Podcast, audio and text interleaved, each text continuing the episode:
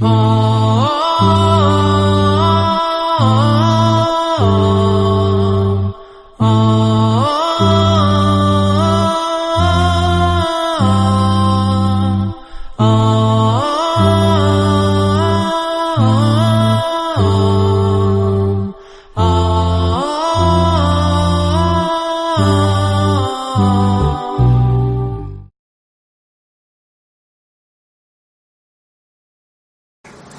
الحمد لله رب العالمين والصلاة ala Rasulillah. رسول الله رب اشرح لي صدري ويسر لي أمري وحل min lisani, لساني يفقه قولي ليست ساكا زهر بريبا نشم gospodaru Allahu subhanahu wa ta'ala salavat miri selam na Allahu poslanika alihi salatu wasalam njegovu poruc njegove časne ashabi i sve oni koji slijede na putu istine do sudnjega dana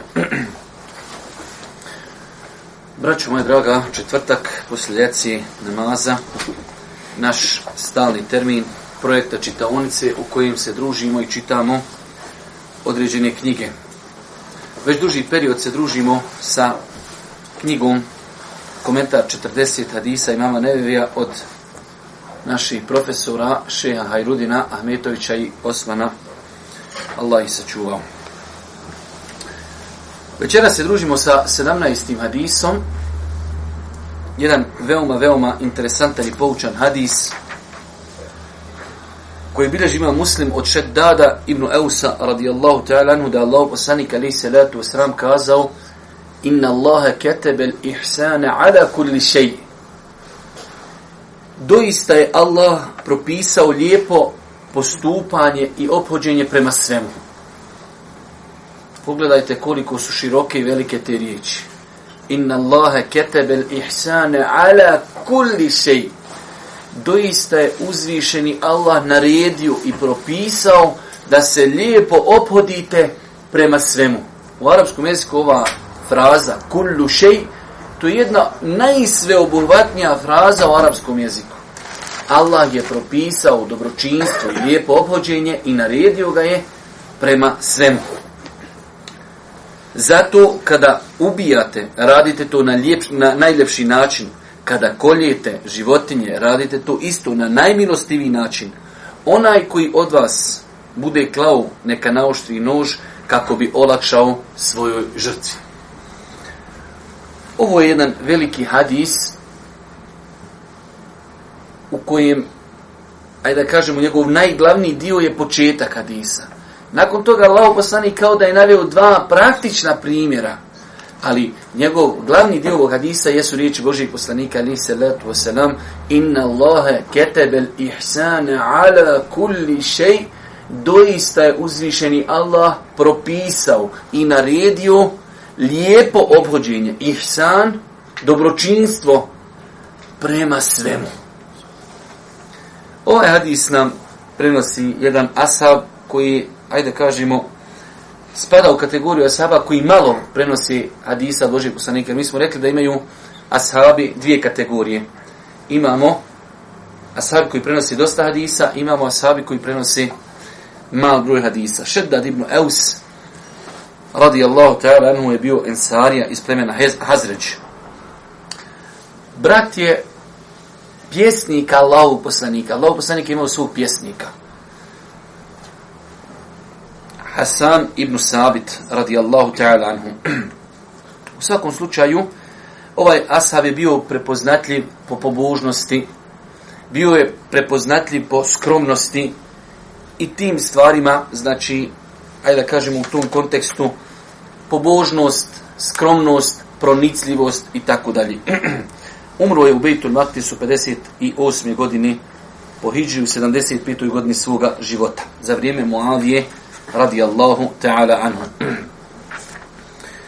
Ovaj hadis rekli smo bilježi ima muslim i samim tim ne treba više uopšte navoditi ništa kada je u pitanju njegova vjerodostojnost. Prijednost i značenje ovog hadisa.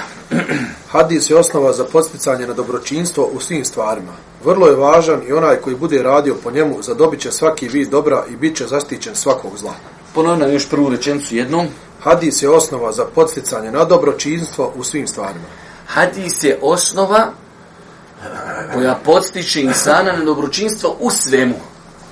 Odnos prema komšiji, odnos prema rodbini, odnos prema starijim, odnos prema mlađim, odnos prema supruzi, odnos prema djeci, odnos prema muslimanu, odnos prema nemuslimanu, odnos prema insanu, odnos prema životinji, prema svemu.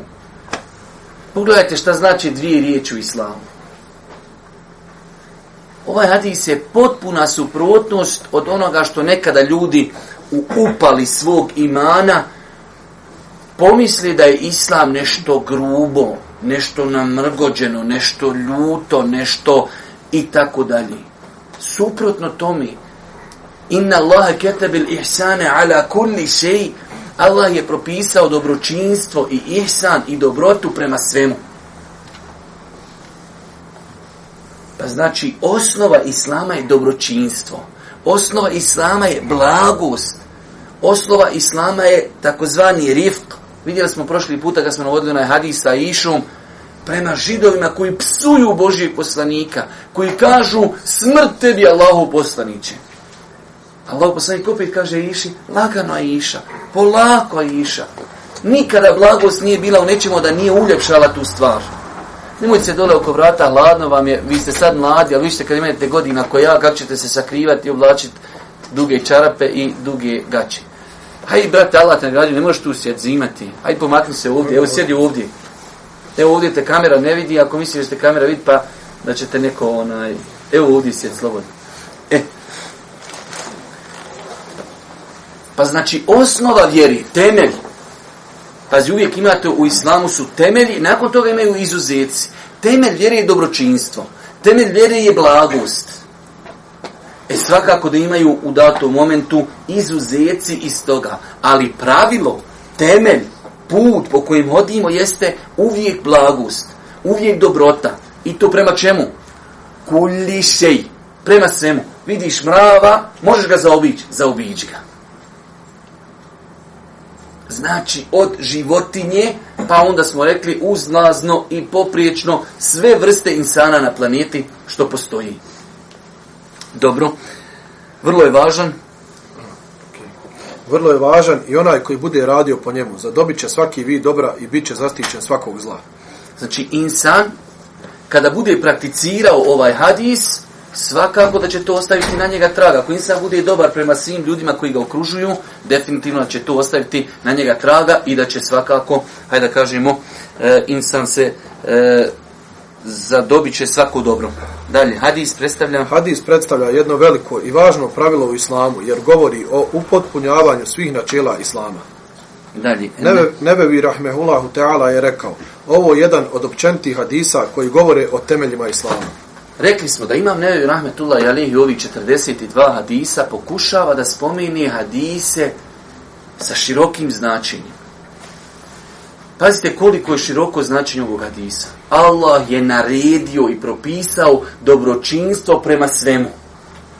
Znači to ulazi u stotine poglavlja, ulazi znači u naš svakodnevni život. Pa je to jedan veoma, veoma širok hadis. Ibn Daqiq Ibn Daqiq al-Eid je rekao, ovaj hadis je jedan od općentih hadisa koji govore o brojnim pravilima. Dobro, tema hadisa. Hadis govori o obaveznosti lijepog ponašanja prema svima tokom cijelog života, pa i na samrti. Kako prema ljudima, tako i prema svim drugim bićima.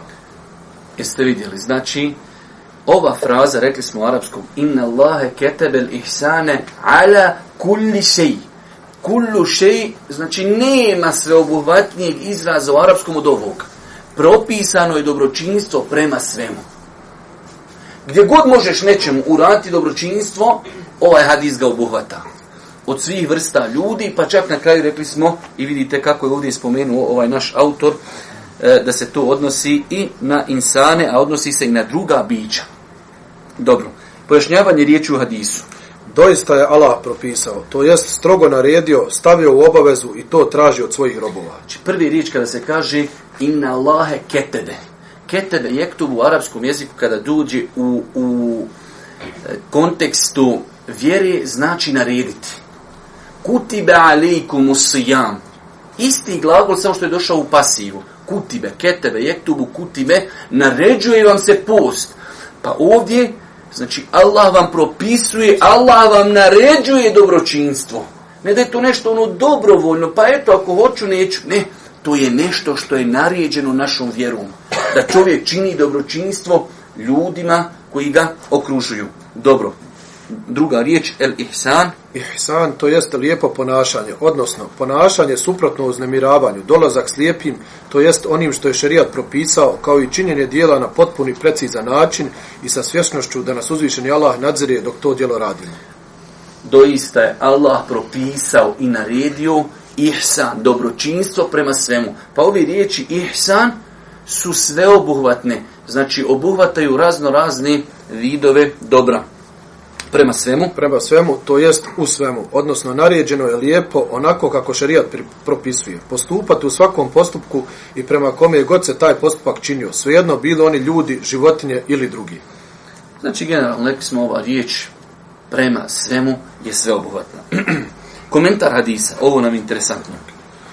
Ovo je hadis dobročinstva i milosti. Ko razmotri značenje dobročinstva spomenut ovom hadisu, uvidjet će da ono obuhvata cijelu vjeru, jer je dobročinstvo općeniti naziv za sva polja dobrih dijela i vrijednosti. Odnosi se na riječi i dijela, namjere i želje. Vidite, znači, koliko je širok ovaj hadis. Hem što je širok, što naređuje dobročinstvo svemu, isto tako je širok taj hadis da naređuje sve vrste dobročinstva. Imamo dvije stvari uzvišeni Allah je naredio sve vrste dobročinstva svim živim bićima.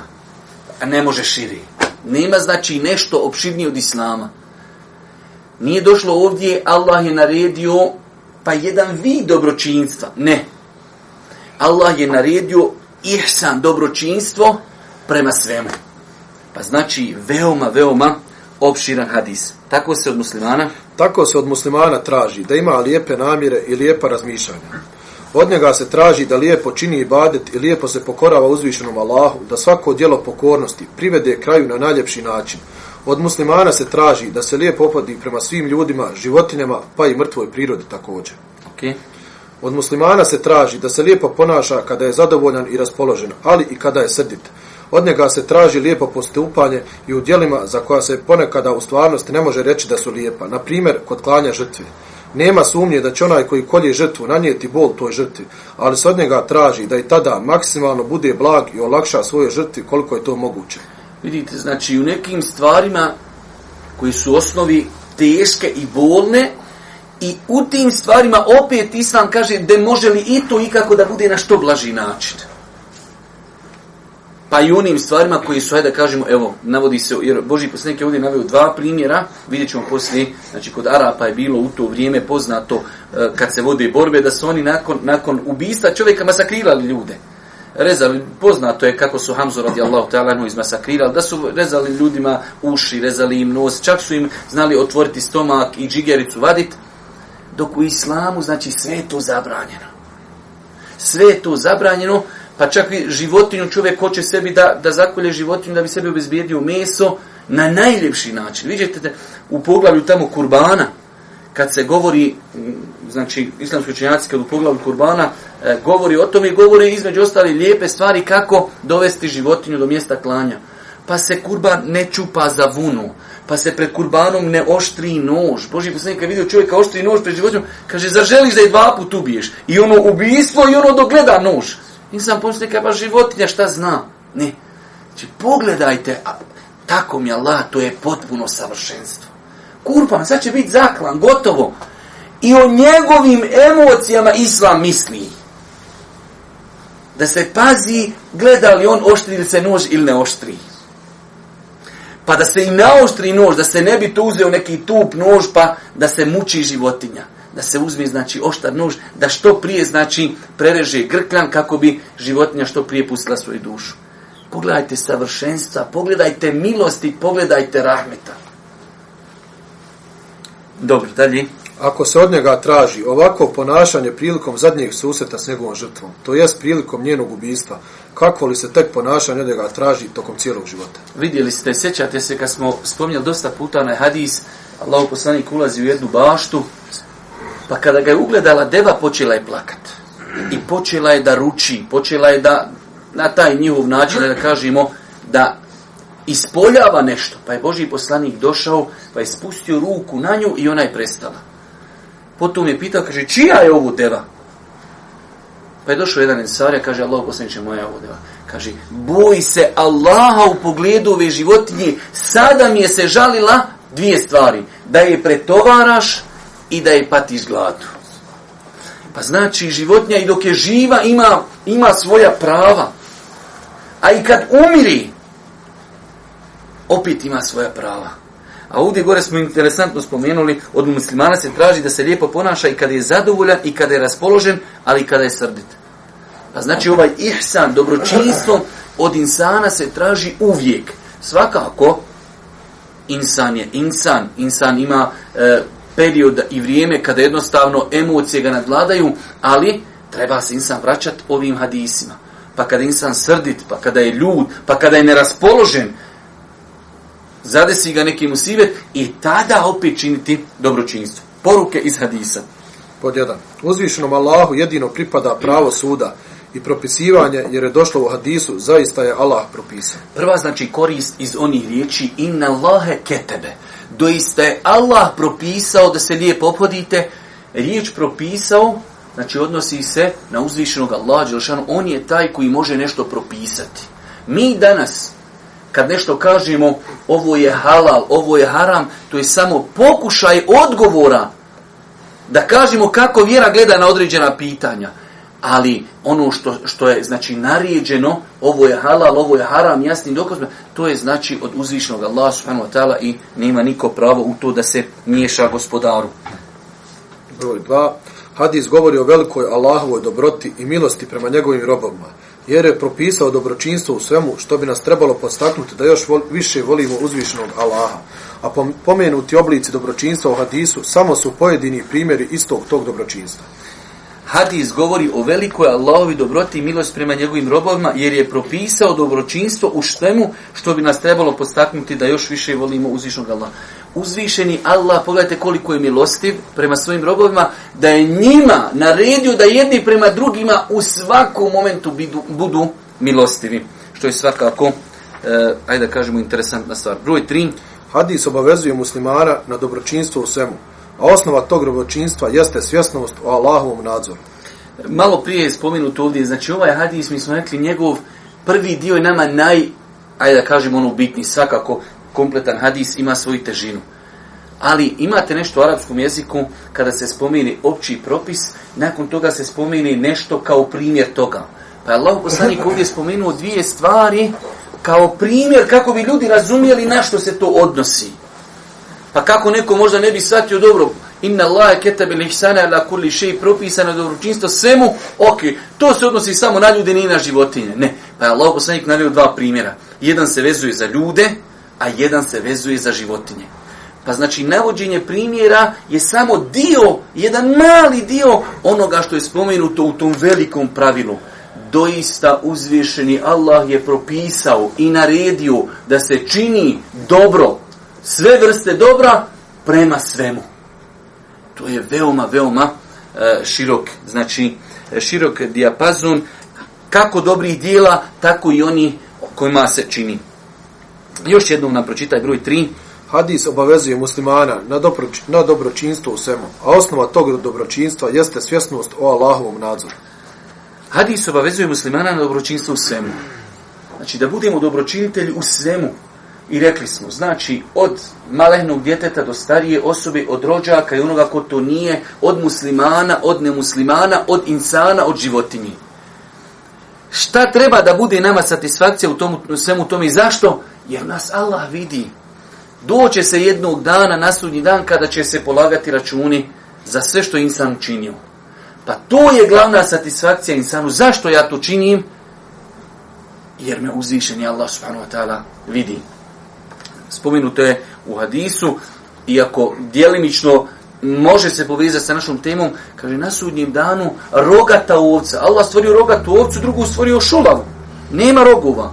Pa one kad se između se, hajde da kažemo, biju ili udaraju ili bodu, normalno da ova koja ima rogova ima prednost. Kaže, pa će ona na sudnjem danu odgovarati šta je radila ovoj koja imala rogove. Gledajte savršenstvo. Životinje, životinje nisu imale razum i nisu e, u, u islamu glavni organ ljudski za koji se vezuju propisi jeste razum. Čovjek sve dok ima razuma, na njega se odnose propisi. Čovjek može biti potpuno paralizovan, ali mu mozak radi i razumije sve, njemu šerijetske obaveze na njega i dalje se odnose. Životinje to nemaju, ali da bi nam uzvišeni Allah pojasnio koliko islam savršen i pravedan, kaže na sudnjem danu čak će i životinje odgovarati što je ova sa rogovima ubila ili ubola ovu ovcu koja nije imala rogove. La ilaha illa.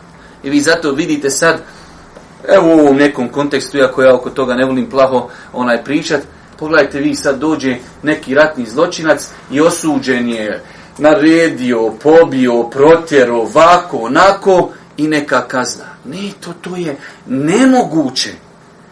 Nemoguće, znači, osim, osim da se na sudnjem danu izmire dugovi prema onima koji su zakinuti. Broj Četiri. četiri.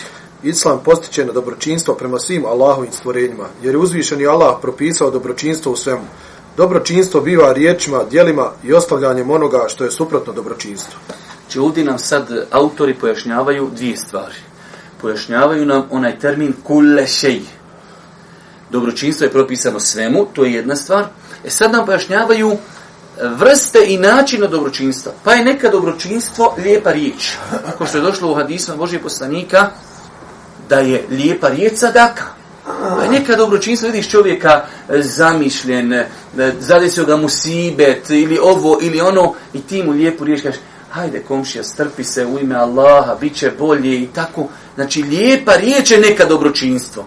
Nekada je dobročinstvo postupak, a nekada je dobročinstvo ostaviti ono što je suprotno dobročinstvu. Ostaviti uznemiravanje. Pa je pojam dobročinstva, rekli smo, isto tako veoma širok pojam. Dobro. Broj pet. Ubijanje kada postane dozvoljeno treba da bude na najbolji i najljepši način. Znači, pazite, u islamu imaju određeni e, propisi, određeni postupci, kada čovjek zbog toga treba da bude ubijen. I tada, znači, on opet ima, e, ima svoju svetost. Imaju, znači, pravila, ako ćemo već čovjeka i e, oduzijeti mu život, to treba da bude na najljepši mogući način. Broj šest. Uzvišeni Allah je naredio da se lijepo postupa u svakoj situaciji, čak i prilikom klanja životinje, pa se naređuje da se ona zakolje na najlakši, najbrži i najbezbolniji propisani način. O tome smo govorili. Rekli smo, znači, dobročinstvo, obuhvata dobročinstvo prema ljudima, to je Boži poslanik pojasnio, pa čak ako ste i u borbi, pa čak i ako ste, ako čovjeku treba izvesti na njemu e, kaznu ubijstva, opet na najljepši način. S druge strane, da se ne bi pomislilo dobročinstvo je samo prema ljudima, zato mi, braćo moja draga, ja sam puno puta o tome govorio.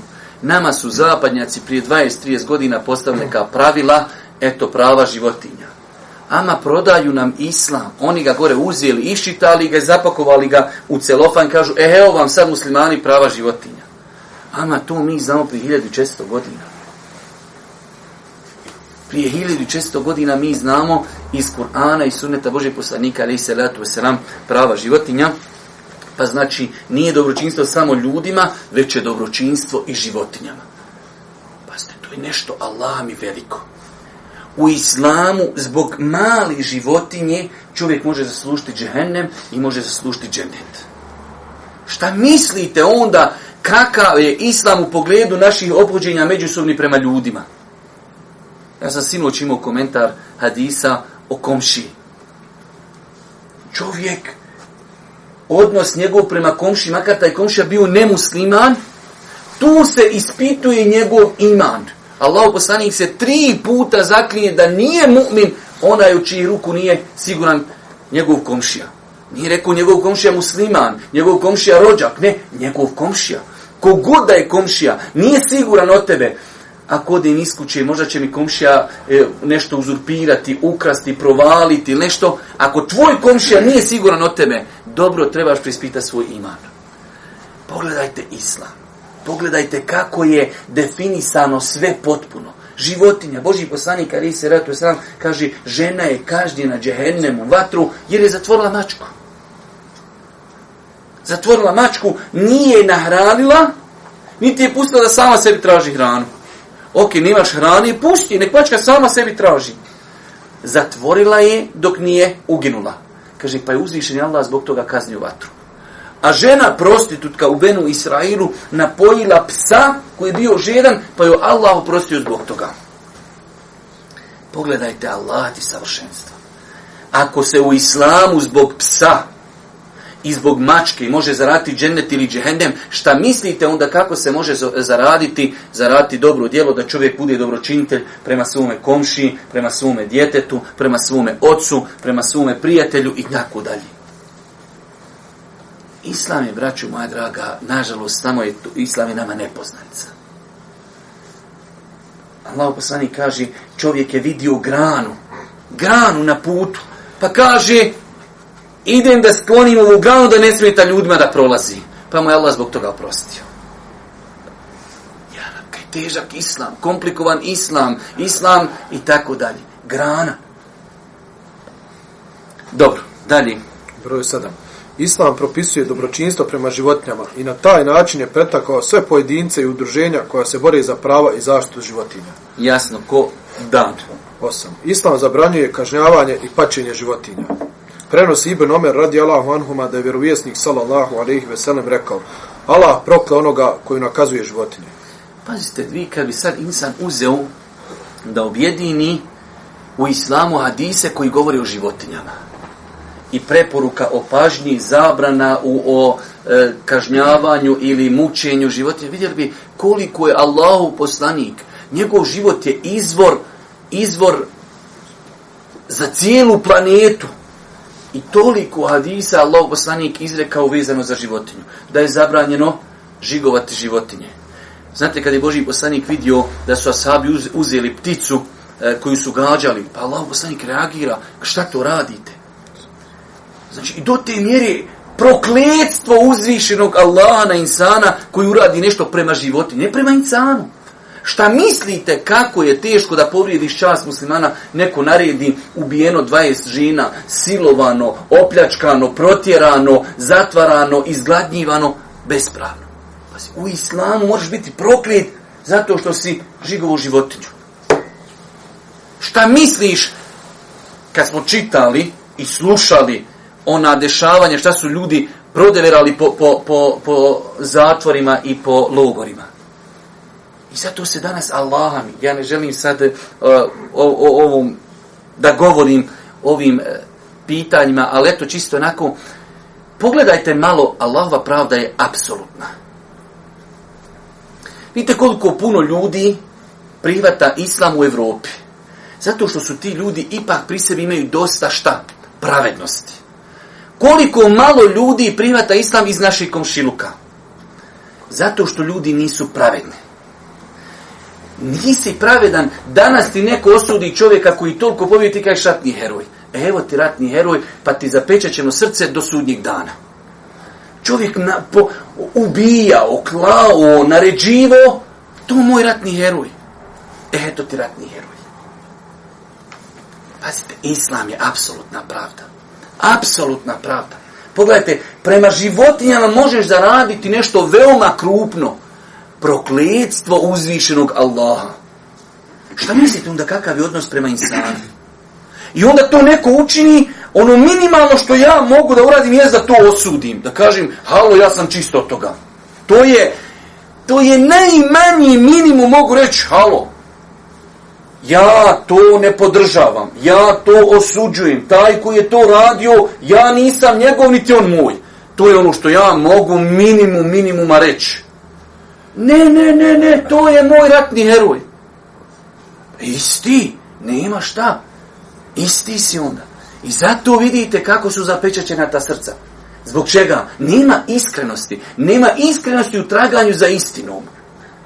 Vidite gore odete kod jednog e, švabi, čovjek sjedniš, razgovaraš sa njim tri minute, čovjek te sluša, prihvata, razumije, čovjek objektivan. Pa pa zato Allahova pravda je apsolutna. Nemo da mislite to slučajno. Neki ljudi više primaju islam, neki se ljudi više vraćaju, neki manje to onako na eci, peci, pec. Nije tako mi Allah. Nije tako mi Allah. فَلَمَّا زَاغُوا اَزَاغَ اللَّهُ كُلُوبَهُمْ Kad su se oni, kaže, počeli bježati od Allaha, tada je Allah i pustio da idu od njega. Znači, Pa od insana dolazi prvi korak. Evo, imaš robe moj danas ispi da vidimo, ćeš osuditi ovo što se desilo. Jo, kakvo suđivanje, ja sam ta, e jesim, e neka te. Ente me amen ahbert, ti su ima koji voliš, sa njim ćeš biti. Završena stvar. Pa je islam apsolutna pravda. Možda to neko voli, neko to ne voli, neko mi to drago čuti, neko mi nije. Ovo je apsolutna pravda. Allah Đelešanu neće nikome trun zla namijeti. Dobro, broj? Devet. Devet. Islam zabranjuje masakriranje ubijenog nakon njegovog ubijstva. Kako se to nekad radilo u pagansko doba, pri čemu se odsjecali nos, uši, ruke i noge. Ibran ibn Husein radi Allahu anhi je rekao, Allahu poslanik sallallahu alaihi veselem nas je podsjecao na udeljivanje milostinje, a zabranjivano me masakriranje. Abdullah ibn Mesud radi Allahu an prenosi da je vjerovjesnik sallallahu alejhi ve sellem rekao: Na sudnjem danu od svih ljudi najviše će kažnjavati osoba ko ubio vjerovjesnik ili osoba koja je ubila vjerovjesnika, predvodnik u zabludi i onaj koji je masakrirao druge. Mm -hmm. U hadisu Abdullah ibn Omera radi Allahu anhuma stoji da je Allahu poslanik sallallahu alejhi ve sellem rekao: Ko izmasakrira nešto ili nekoga ko ima dušu, a zatim se ne pokaje za to, Allah će njega izmasakrirati na sudnjem danu opet savršenstvo islama. Ako je čovjek već ubijen, kakva korist? Kakva korist od toga da ga čovjek masakrira? Pa je islam uvijek se može pojasniti na racionalan način. Evo došlo je do rata, ratujemo i neko je nekog ubio. Završeno, ubijen. Kakva je sad korist racionalna, racionalna korist, osim da neko zadovolji, zadovolji svoj hajvanski nagon u njemu ko one hijene kad jedu živu životinju, e to je. Znači, tada insan je bliže hajvanluku nego insanluku. Ubijen čovjek, završeno. Ko to? Ako ti je bio dojuče neprijatelj, eto, riješio ga se ubio, e sad idem da ga masakriram. Pa pogledajte kako je islam potpuno i savršen. Broj 10. Dobročinstvo u klanju biva na šerijatski dozvoljen i definisan način. Dobročinstvo u klanju biva na šerijatski dozvoljen i definisan način. Či nekada vidite, e, ja sam o tome govorio dosta puta, nekada ljudi hoće da uh, jednostavno preskoči nešto što im je njihov gospodar naredio i propisao. Ja sam govorio o tome na onom primjeru kad žena iziđe iz kuće i počne rata, čovjek odgaja djecu. Pa se mijenjaju zakoni koje ostavio Allah na planeti. Isto tako, vidjeli ste kako mi u islamu gledamo na životinju znači na jedan, na jedan veliki nivu, da možeš zaraditi džehennem, džennet, možeš biti proklin zbog životinje. Ali u osnovi imate životinje koje uzvišeni Allah stvorio zbog ljudi. Huwa alladhi khalaqa lakum ma fil ardi jami'a. Allah je stvorio za vas sve što postoji na planeti. Pa imamo jestive životinje, imamo nejestive.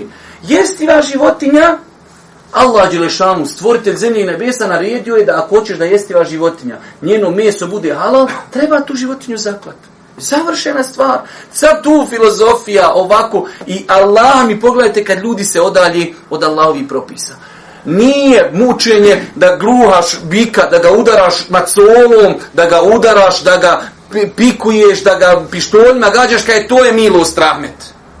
A nije milost da uzmeš deseti dio sekunde oštar nož i da mu prežeš vrat. To je, kaže, mučenje. Macolom ga izgrula, vo ustani, pola sela razbaca u potoke, gore, dole. Kaže, ovo rahmet. Evo ga, kaže, milost. Na struju ga skopča, pa vo, rogom mu prorastu ovako, pa noge, pa ruke, pa rep, tam vam. Kaže, milost. Ja, rab. Drži se onoga što ti je gospodar propisao. Nema veće milosti osim onoga što je gospodar naredio i propisao. Zažmiri, reci Allahu Ekber. Nema tu filozofije. Kad ljudi počnu se miješati u Božije. To je, to je, to be jara, onda ide, mora ispast nešto naopako. Ako je Allah nešto dozvolio, naredio, onda je to najbolje što može biti.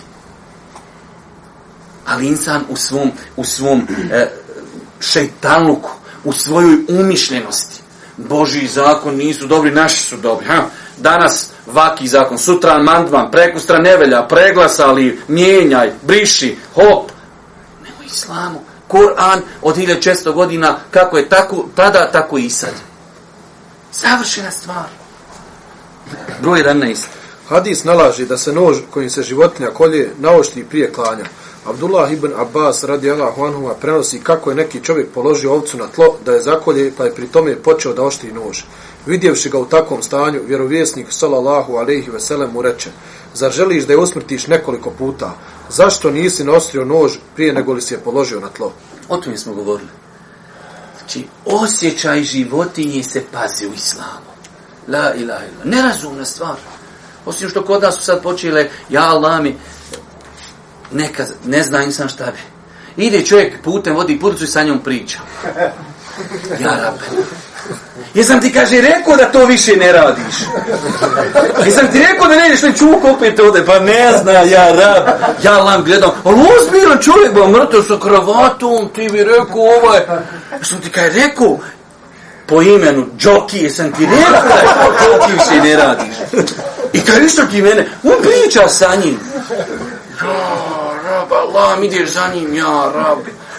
Ja psihijatrija, ja kubi ga, ne zna čovjek džebi ga, ja zatvor ga šćukama, ne zna, možda bi se s njima on znao, sporazumijivati kod Tarzan.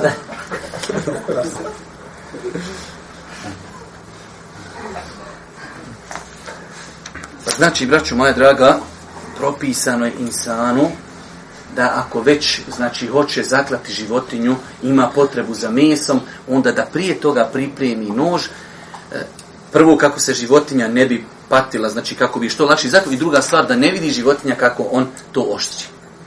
I zadnja korist 12. korist. I u ovom hadisu vidimo savršenstvo islamskog šerijata, koji u sebi sadrži svako dobro i dobročinstvo. Definitivno. Čovjek, braćo moja draga, treba da živi. Zato se zove musliman, musliman, pokoran.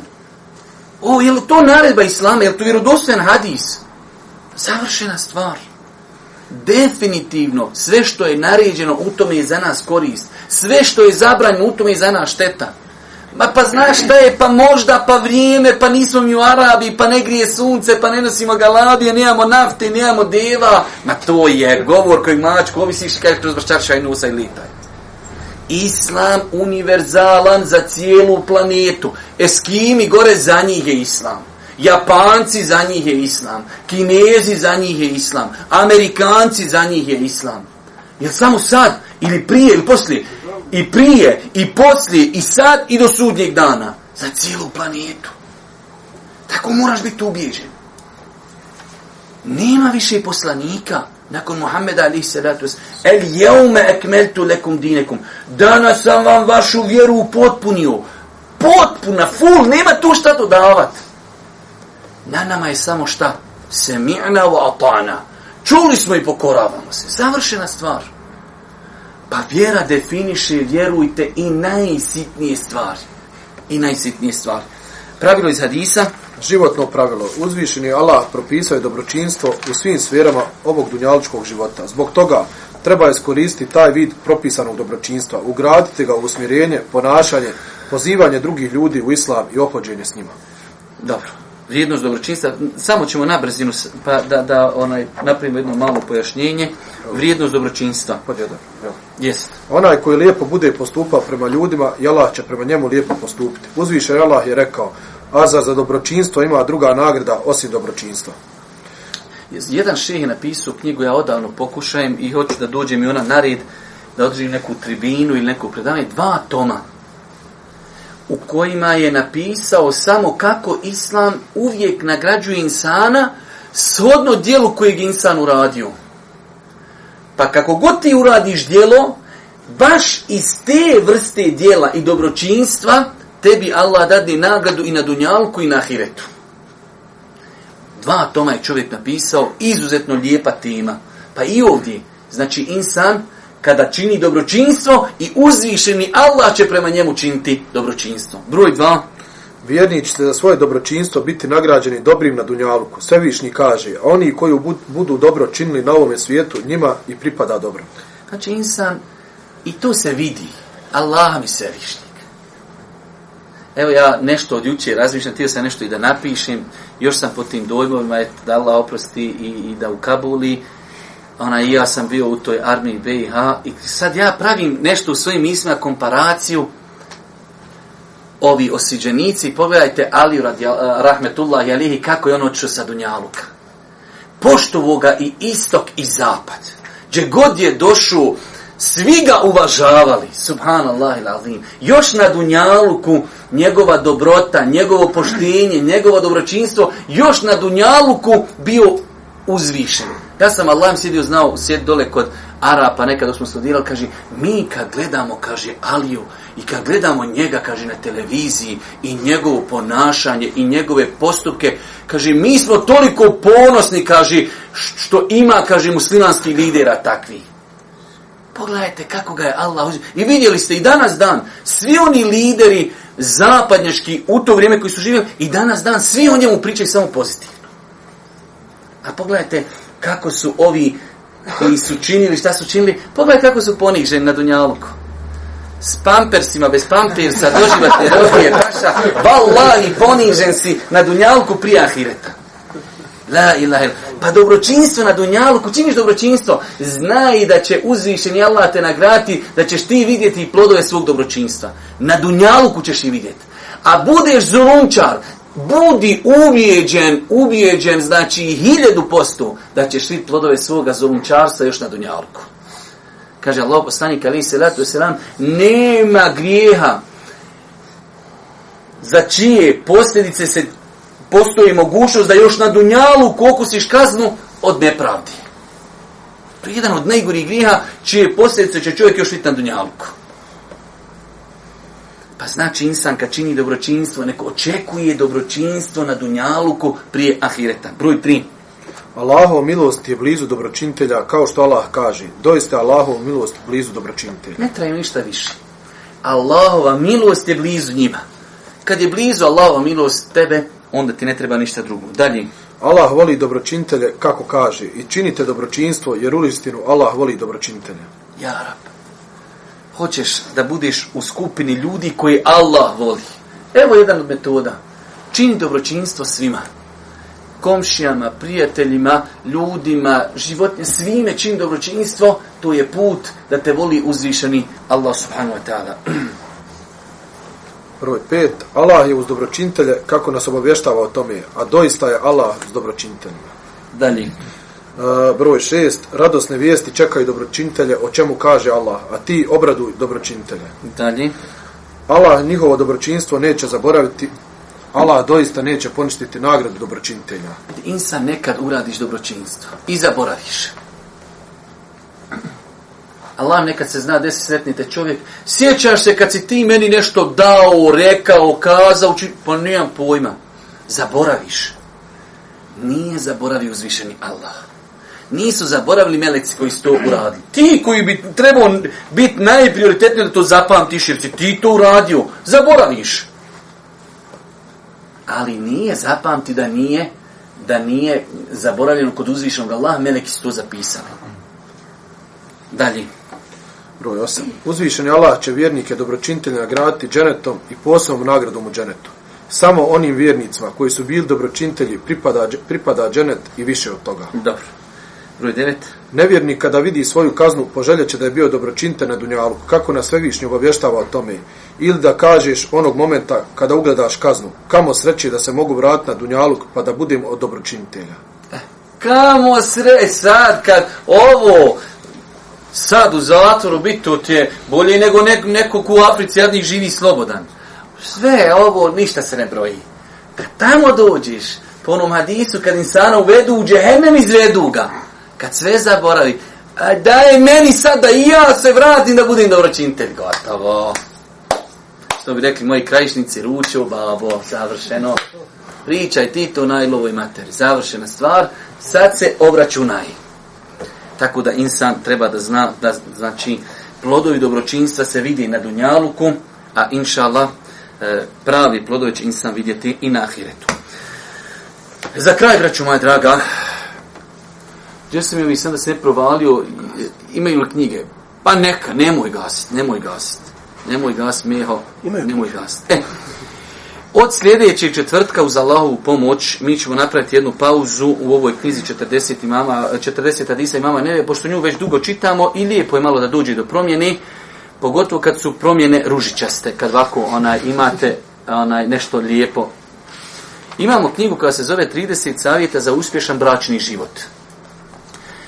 Allah je mene počastio da sam bio jedan od ljudi koji su radili na izdavanju ove knjige, bio sam redaktor i zaista, zaista jedna veoma lijepa knjižica.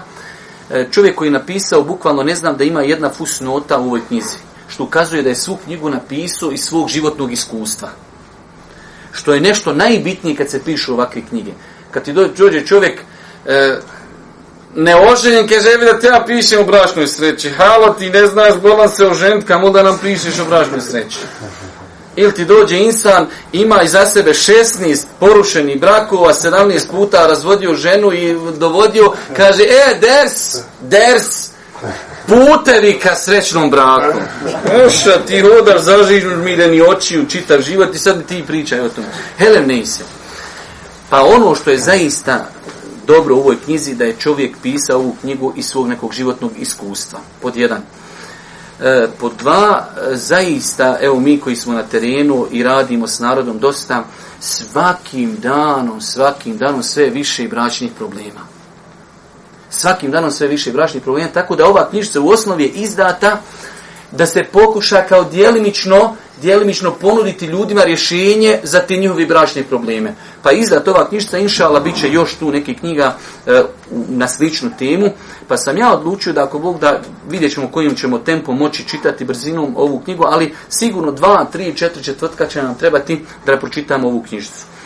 E, svi koji budu dolazili ovdje, ne preko interneta, pogotovo iz Amerike, iz Australije, ne šaljemo knjige na adresu, svi koji budu dolazili ovdje, od noćas mogu preuzeti svoju knjigu, ali ne da je preuzmu pa da ne dođu u sljedeći četvrtak, već da preuzmu knjigu, ako hoće, svi će dobiti besplatnu knjigu, iako se knjiga kupuje, pazite, kupuje se knjiga, ali kao satisfakcija onima koji će redovno dolaziti, mi ćemo ako Bog da podijeliti knjigu normalno gdje ima babo i sin iz iste kuće jedna knjiga ide.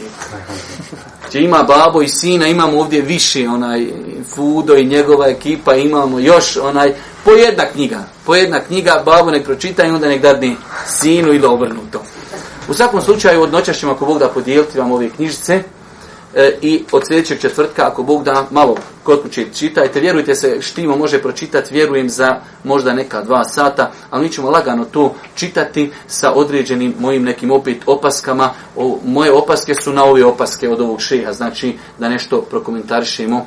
Tako da, eto, od sljedećeg četvrtka, ako Bog da, e, počinjemo sa čitanjem ove knjižice, pa kad nju završimo, ponovo ćemo se vratiti ovdje, ako ko ima kakvi akika, ako je se ko ženio u davu, ako ima kakve djeci, bit će nam onaj čas da mu ovdje priredimo, to će biti ružičasto, sve će nam biti veselo, lijepo, pa da to zamezimo fino na kraju sa akikom, prošli put nam je plavo bilo fino, jest da nije falo je noževa, ali snađimo se mi, u svakom slučaju snađimo se.